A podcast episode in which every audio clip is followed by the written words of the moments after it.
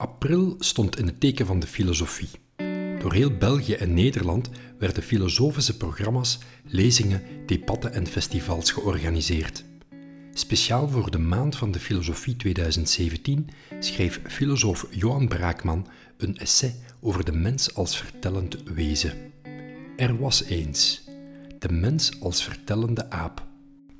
Mag ik even jouw boekje erbij nemen? Natuurlijk. Vind je, vind je dat vervelend als mensen dat een boekje noemen? Want het is eigenlijk een filosofisch essay. Ik vind het woord boekje eigenlijk al wat te hoog gegrepen. Dus in die zin vind ik het vervelend, omdat uh, ja, het is dun. Dus, dus ik hoor denk ik dan liever een essay. Dan weten mensen dat het niet echt een boek is, zelfs geen boekje. Johan Braakman studeerde wijsbegeerte en menselijke ecologie aan de universiteiten van Gent, Brussel en Californië. Johan Braakman is filosoof. Hij publiceerde ook boeken en hoorcolleges over onder andere Darwin en kritisch denken. Hij is hoogleraar wijsbegeerte aan de Universiteit Gent. Met de Story Club podcast ga ik op bezoek bij mensen met een goed verhaal. Het was dan ook meteen duidelijk dat ik Johan moest zien. Verhalen, zegt Johan, zijn onlosmakelijk verbonden met de mens. En volgens Johan heeft de mens een onweerstaanbare drang om verhalen te aanhoren, te bedenken, te consumeren en te verspreiden. Als business storyteller kon ik mij daar natuurlijk wel in vinden. Maar waar moeten die verhalen dan over gaan? En waarom vertellen we ze? Oh ja, tijdens ons gesprek kregen we ook onverwacht bezoek van twee jonge meisjes die met een onverwacht verhaal kwamen over een kip en een ei. Benieuwd? Goed. Welkom in de Story Club podcast met Johan Braakman.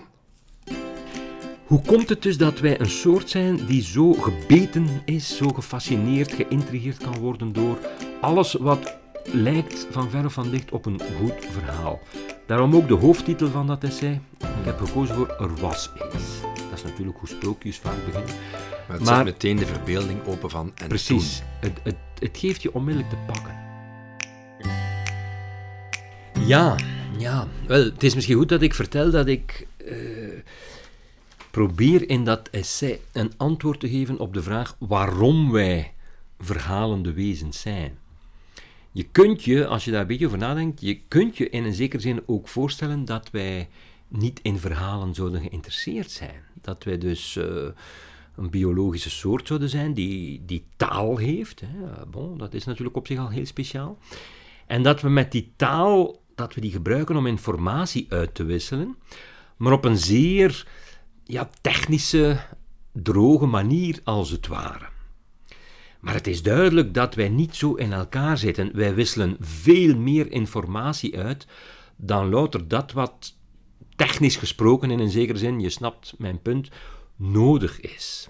Maar dat we met die taal vooral verhalen bedenken, vertellen, uitwisselen, dat is toch iets zeer merkwaardig als je daar een beetje over nadenkt. Want verhalen ja, het is fictie. We kijken, lezen Lord of the Rings en, en Harry Potter en noem maar op. Dat is fictie. Dat gaat over werelden en wezens en gebeurtenissen die niet in realiteit bestaan. En daar honderden miljoenen mensen stoppen daar een enorm groot deel van hun tijd in. En dat is voor zover wij weten al millennia zo. Waarschijnlijk zelfs al veel langer, maar natuurlijk hebben we hmm. geen bronnen wat de prehistorie betreft. Maar denk aan Homeros. Uh, we vertellen nog altijd over de Ilias en de omzwervingen van Odysseus enzovoort. Dat blijft ons nog altijd fascineren. En er zijn, voor zover bekend, geen culturen, geen menselijke culturen, waar dat niet zo is. Dus je zou kunnen voorspellen Mocht er nog hier of daar een onbekende cultuur bestaan, ergens in het regenwoud, uh, in de Amazone of, of, op de flanken van een berg in Papua Nieuw-Guinea of zo, een, een, volk tot nu toe onbekend. En ze wonen misschien al tienduizenden jaren afgezonderd. Ze zijn daar ooit terechtgekomen uh, in een ver verleden en, en, en niemand die weet dat die mensen daar bestaan. Maar op een bepaald moment wordt die cultuur ontdekt. Wel, dan durf ik voorspellen, ze zullen taal hebben, Natuurlijk zullen ze taal hebben, maar sterker nog, ze zullen verhalen aan elkaar vertellen over wezens, over gebeurtenissen, over allerlei zaken die fictie, die wij fictie noemen. Maar ik denk dat het interessant is om de vraag te stellen: wanneer heb je een goed verhaal en een minder goed verhaal?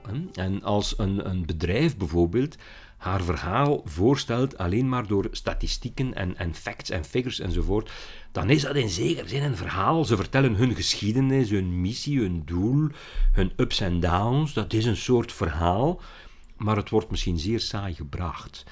Ik denk dat wat frappeert aan verhalen, die goed zijn, en dat is ook wat ik in het essay beklemtoon, is dat ze je onmiddellijk in hun greep hebben en niet meer loslaten. Dus dat is wat mij boeit. Als je dat bij kinderen dan doet, er was eens en hun ogen gaan al open, ze willen al direct. Er was eens wat. Ja, wat gebeurt er dan? Het, het, roept de vraag op, ja, wat gebeurt er? Wat, wat, wat was er? je wil meer weten. Ik denk en dat dus, ja. kleine kinderen haten het als je dus het verhaal dat je vertelt afbreekt. Hè? Als je zegt, kijk, en nu slapen, want morgen gaan we verder. Ze haten het ergens, want ze willen weten hoe loopt het verder. Maar tegelijkertijd is dat ook de truc om hen ja, in de ban te houden van je verhaal. En volwassenen zijn eigenlijk niet anders. Hè. Een soapserie is niks anders dan een aaneenschakeling van verhaaltjes die samen één groot verhaal. En, en, en wat houdt mens, miljoenen mensen aan de buis gekluisterd? Wel ja, soapseries met een goede verhaal, met een goede story, als je, als je maar wil. Dus, ik kan nu nog niet ingaan op, de, op het antwoord, maar de, de vraag die ik wou stellen. En ik wou op de eerste plaats in dat ja, korte essay toch mensen ervan overtuigen van kijk, dit, dit roept om een verklaring. Dit heeft een verklaring nodig. Je, je mag dat niet zomaar als vanzelfsprekend beschouwen. Het gaat ook totaal anders kunnen zijn. Wij zouden ook een soort kunnen zijn die geen verhalen vertelt, hmm. die daar niet geïnteresseerd in is. Maar we zijn er nu eenmaal enorm in geïnteresseerd. Waarom is dat zo? Dat is dus de vraag die ik in dat essay dan uitwerk. Het is zo dat we verhalen vertellen. Het is eigen aan de mens. Verhalen hebben kracht. Verhalen zorgen voor verbinding. Dat maakt ook dat bij mij de vraag opkwam: ja, is het dan niet belangrijk welke soort verhalen dat we vertellen? Dat geeft ook een zekere verantwoordelijkheid. Mhm. Of zie ik dat te... Nee, ik denk dat dat juist is. Maar bijvoorbeeld verantwoordelijkheid, ik denk dat dat zeker klopt omdat uh, er zijn verhalen bedacht uh, die de identiteit van een cultuur, van een volk, een natie mee helpen creëren.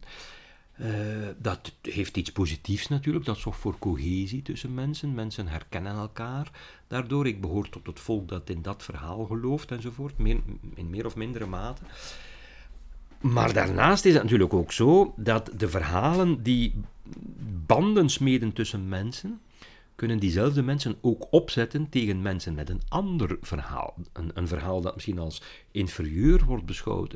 Verhalen kunnen vijandsbeelden creëren. Polariseren. Verhalen kunnen polariseren, kunnen zelfs aanzetten tot genocides en oorlog voeren.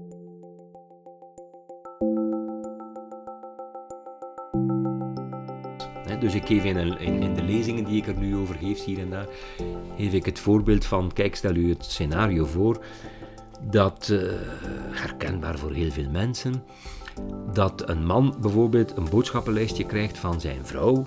Ik hou het nu allemaal heel klassiek, simpel. En hij moet naar de supermarkt uh, boodschappen doen. En uh, hij neemt het jongste kind mee, van vijf jaar oud, ik zeg maar wat. Hè. En hij gaat naar de supermarkt met zijn boodschappenlijstje en ze rijden daar samen rond met de kar. Hè, papa met het, met het kindje. En ze gaan het lijstje af eh, en de kar ligt vol en ze gaan naar de kassa en ze betalen. Ze laden alles in de koffer in, ze rijden naar huis en zeggen ja schat, we zijn thuis en we hebben alles gevonden op het boodschappenlijstje. En ze vertellen dat verhaal aan elkaar. En, en, zoiets vertel je in een uh, boek of in een film of zo, dat is natuurlijk dodelijk saai. Nee. Je zit eigenlijk te wachten op het moment, wat gaat daar gebeuren? Precies, je wil dat dat kind uh, verdwijnt in de supermarkt. Of dat terwijl je de papa... het bijna. Ja, of dat de vrouw bezoek krijgt van haar minnaar, terwijl ze haar man naar de supermarkt gestuurd heeft. Of dat ze onderweg in een ongeluk betrokken geraakt. Je verwacht een ernstig probleem. Iets emotioneel beladen, iets ergs, iets, iets wat je eigenlijk, en dit is cruciaal, dit is nu echt cruciaal, iets waarvan je eigenlijk niet wil dat het jouzelf in de realiteit zou overkomen. En juist het delen, vertellen van deze verhalen is leerrijk. Je leert eruit. Dat is dus de clue van En de hele daarom zaak. zoeken we ze ook nog We meer zoeken ze op. op omdat ze ons kunnen leren, kijk, eh, dit kan mij misschien ook overkomen.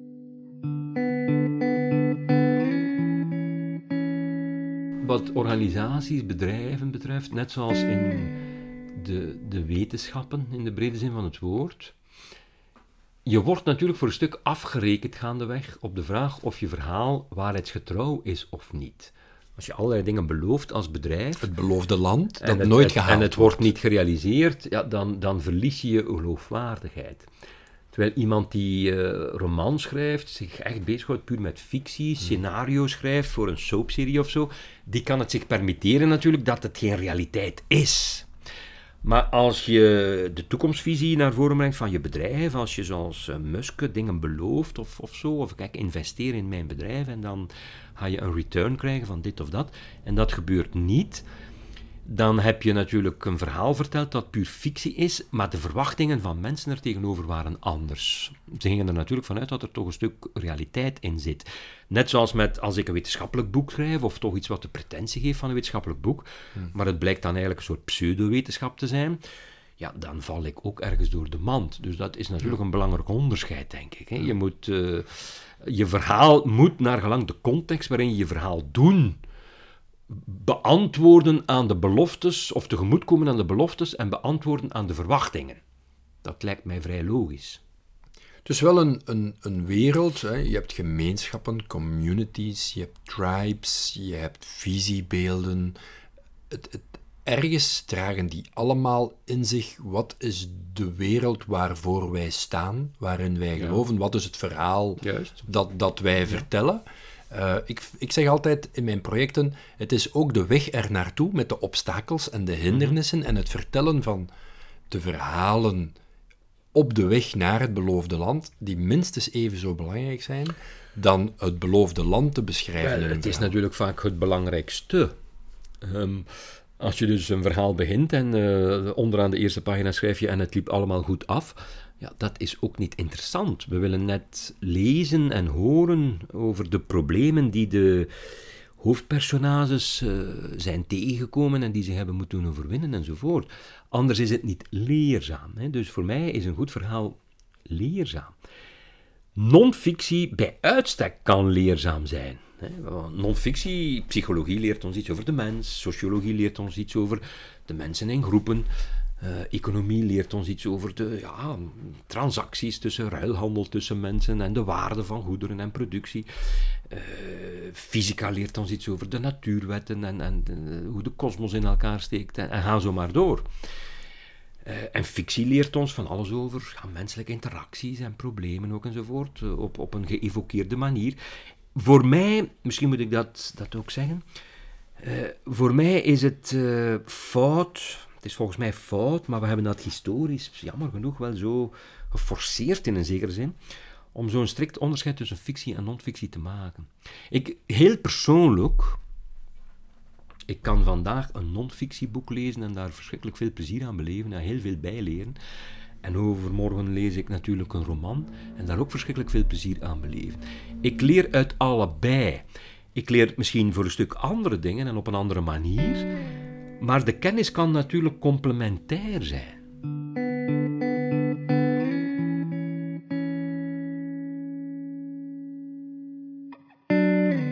Bart van der Roost, die ik eh, een paar weken geleden geïnterviewd heb, de nieuwe directeur van Opera Vlaanderen, Ballet eh, Vlaanderen, die zei: Ik geef nog niet zo heel lang lezingen, maar ik hou heel erg van de dramatiek van op een podium te staan. En dat zag ik ook wel in. Ja, ik hou daar ook wel van. Maar Jou. kijk, ik heb er nu meer, eh, ik heb de tel niet eh, bijgehouden, maar, maar ik, ik weet zeker dat het er eh, minstens 11 à 1200 zijn die ik zo de voorbije 20 jaar gegeven heb lezingen. Dus Dat is enorm. dat is veel. Hè? Dus op de duur ja, weet je het wel een beetje hoe je een grap moet, wat je timing moet zijn voor een grap en zo, en hoe je een verhaal opbouwt. Ik denk daar nooit geweldig veel over na hoor, dat gaat wat intuïtief. Mijn truc is, je moet vooral dat wat je wil overbrengen zelf zeer goed kennen. Als je zeer goed je stof beheerst, dus dat is ook een beetje de lesgever nu in mij, dan, uh, dan dat is essentieel. Dan komt het verhaal meestal wel vanzelf. Zou je dat als, als de populaire TED-talk uh, willen doen? Of zeg je nee, ik geniet van parochiezalen? Het maakt mij eigenlijk allemaal niet zoveel uit. Ik geef zelfs cursussen die twee dagen duren voor uh, artsen in Nederland soms. Dat is eigenlijk twee dagen lang een verhaal vertellen. En dat moet in twee dagen boeien, toch min of meer. Hè. Maar uh, ik heb ook al uh, talks gegeven van een kwartier, twintig minuten zo, of korter nog. Hè. Want het hoort niet bij jouw opdracht van de universiteit? Een stuk wel, hè. Een stuk wel. Is dat, dus, wordt dat verwacht? Ja, voor een stuk wel. Dus aan de 1100? Nee, nee, nee. nee. Ja, ik, ik zit nu aan... Ja, ik en er zijn zo nog mensen, let op. Hè. Uh, ik behoor tot degene die het nu eenmaal vrij vaak doet. En dat komt, ja, je zit op een bepaald moment, zo gaat dat in Vlaanderen en voor een stuk ook in Nederland in mijn geval, je, je komt in het circuit terecht. Hè. En van het een ga je dan naar het ander. Kijk, er zijn overal Willemsfondsen en Davidsfondsen en Vermijlendfondsen, om maar iets te zeggen. Eer je ze allemaal eens uh, bezocht hebt, uh, dan ben je al meerdere jaren zoet. En tegen dan heb ik een nieuw onderwerp, want een nieuw boek of een nieuw hoorcollege en dan beginnen we weer van voor af aan. Dus ik, in sommige zalen ben ik al vier, vijf keer geweest de voorbije twintig jaar of zo, maar dat is ook aangenaam. Ik leer daar mensen kennen uh, en die, die komen terug om, om, ik heb na vijf jaar een ander verhaal en ze willen het nieuwe verhaal horen. Dus, dus dat heeft iets aangenaams. De, de artiest die optreedt en die in zijn fanclub heeft. Wel, ja, voor een stukje wel. Hoewel natuurlijk, ja, eh, als je lezingen geeft, god ja, er zijn mensen die komen omdat ze het graag horen, maar je hebt daar niet zo echt dat, dat idee van fans of zo. Het is, het is, dat, maar, maar goed, het zit een beetje in die sfeer, dat wel. En nu bijvoorbeeld, uh, ik heb een hoorcollege uit samen met Jean-Paul van Bendegem en Vitalski over Arthur Conan Doyle en Sherlock Holmes. Nieuw. Dat is, dat is nieuw.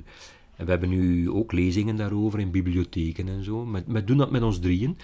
En dat, dat, geeft, dat geeft zowel een soort entertainend gehalte. We hebben bezoek. Dag schatten. De, Dag meisjes. De kipjes hebben nog eitjes in een kot, maar waar ze zo rondlopen. Ja, maar we kunnen... Twee. Daar liggen er ook.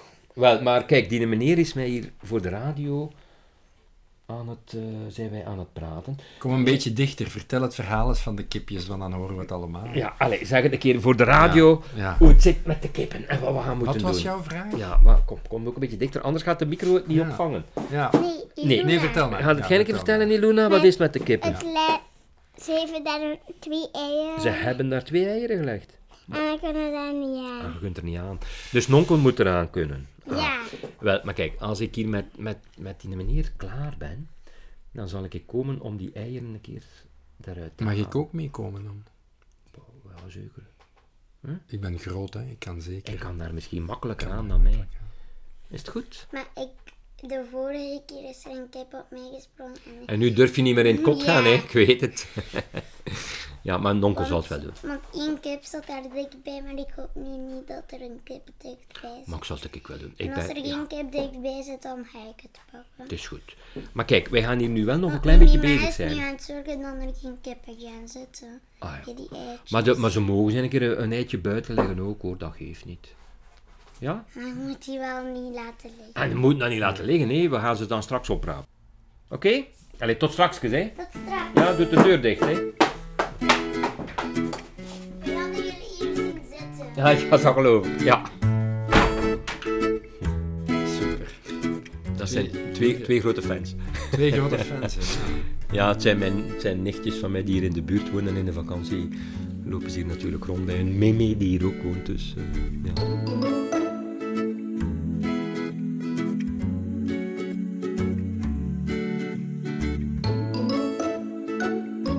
Op een podium staan is ook een beetje de held zijn in je eigen verhaal. Maar toen ik luisterde naar de uitzending eh, bij Friede Lesage op Radio 1, had ik zo de indruk, maar dat is een aanvoelen. Dat heb je niet. Het, ja, het ego-gedreven zie mij gaan. Dat Ehm, voelde ik niet.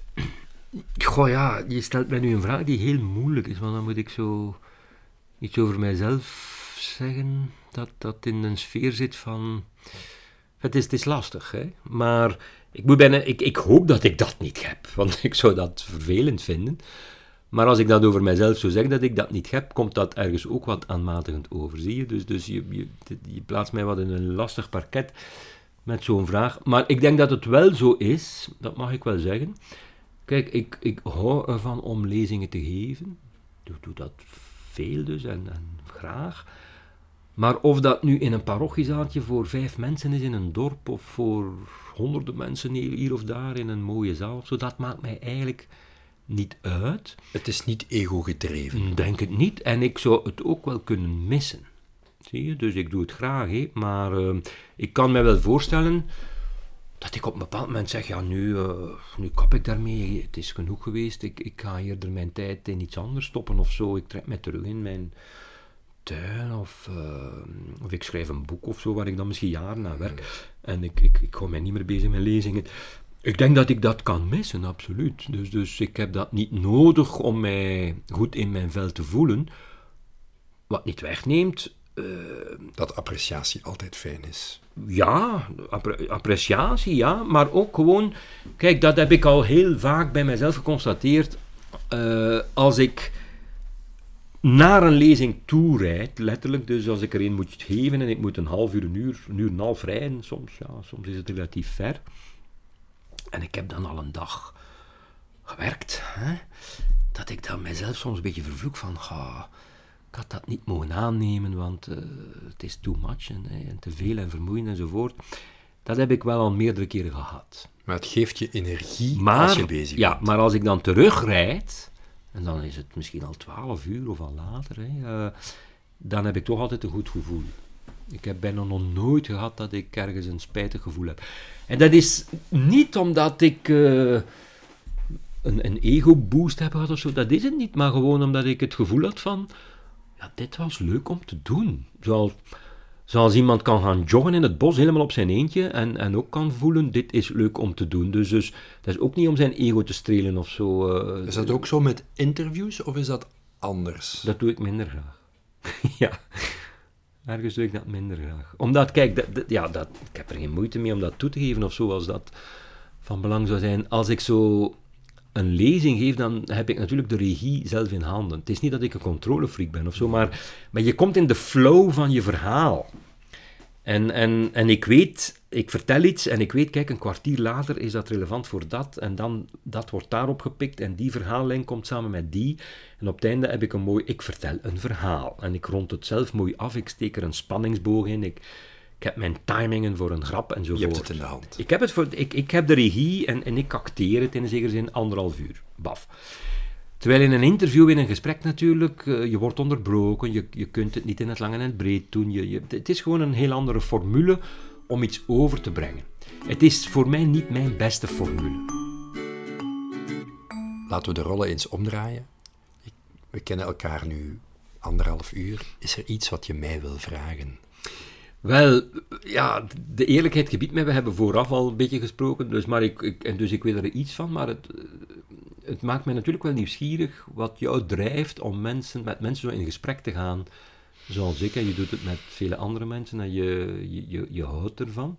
Zoals ik ervan hou om lezingen te geven of om een tekst te schrijven. Als, als, dat, als ik voel die tekst zit goed in elkaar en zo, dan, dan ben ik daar blij om. Dit, dit, dit is zingeving in essentie ook. Hè. Je geeft betekenis aan je leven daardoor. En ik, ik denk dat dat bij jou ook wel meespeelt, maar het zou wel tof zijn om het uit jouw mond te horen wat jou drijft om dit uh, te doen. Eigenlijk sluit het heel goed aan bij het thema van vandaag, omdat ik de verhalen van de mensen, ik haal daar voor mezelf heel veel uit. Mm -hmm. het, het voelt aan als een, als een opleiding. Het voelt aan als de school of life. Ja. Um, vaak kom ik buiten bij een gesprek en dacht ik, wat een cadeau. Uh, omdat gesprekken gaan over topics zoals die in verhalen zitten,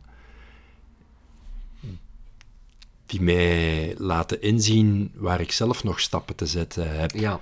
Dus ik ben eigenlijk dat misschien meer voor mezelf aan het doen dan voor anderen, maar dan blijkt dat andere mensen er ook wat aan hebben. Er ook wat aan hebben. Ja, en dan is is, het een eh, dubbel plezier. Ja, dat is denk ik bij mij ook wel voor een stuk zo natuurlijk. Ik heb natuurlijk niet de gedachte van ik ga de mensen daar in, eh, in die of die provincie, in dat of dat dorp eh, eens wat gaan bijleren, want het is dringend nodig of zo. Dat, dat is het niet. Hè. Maar als ik merk dat zij een mooie avond hebben gehad, want tenslotte ze komen uit hun huis om naar mij te komen luisteren, terwijl er zoveel andere dingen te doen zijn. Als ik merk dat ze het gevoel hebben van het was de moeite waard, dan is dat natuurlijk prettig.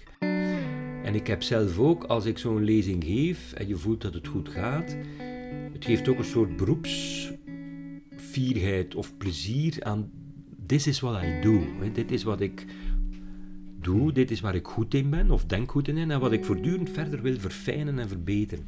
Ik denk dat dat met interviewen ook zo is, maar ik ken dat natuurlijk niet, ik doe dat niet. Maar ik denk dat dat ook zo is, dat je Ja. gaandeweg meer en meer beter weet hoe het werkt en hoe het moet. En dat je daar ook een soort intrinsiek plezier uit haalt, een, een, een soort zingeving ook. U luisterde naar de Story Club podcast, een gesprek met filosoof Johan Braakman.